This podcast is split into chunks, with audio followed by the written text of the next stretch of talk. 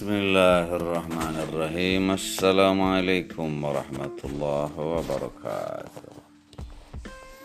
Apa kabar teman-teman sekalian?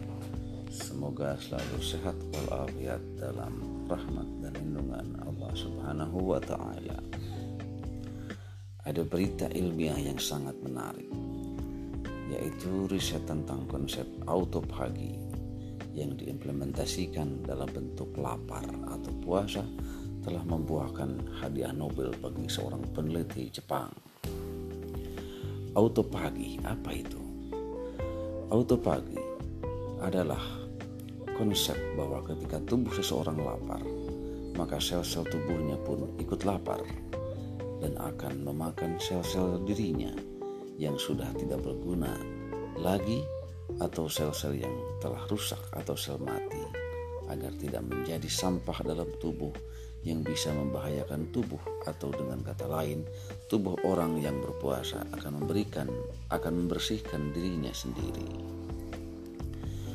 Seorang ilmuwan telah membuktikan dan telah menemukan bahwa ketika seseorang lapar atau puasa dalam jangka waktu tidak kurang dari 8 jam dan tidak lebih dari 16 jam maka tubuh akan membentuk protein yang khusus yang disebut autopagisom di seluruh bagian tubuh.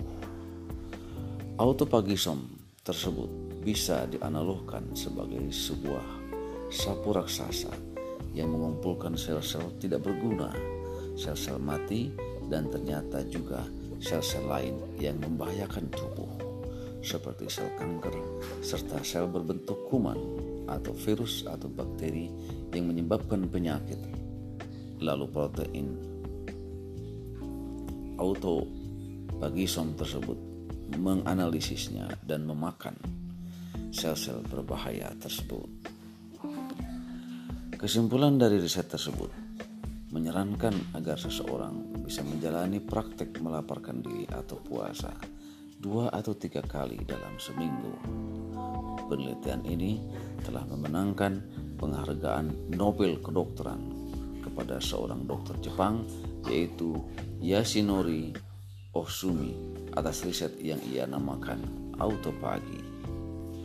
Alhamdulillah bagi muslim disunahkan puasa Senin dan Kamis. Artinya bahwa konsep autopagi sesungguhnya sudah disarankan sejak 15 abad yang lalu oleh Rasulullah Sallallahu Alaihi Wasallam.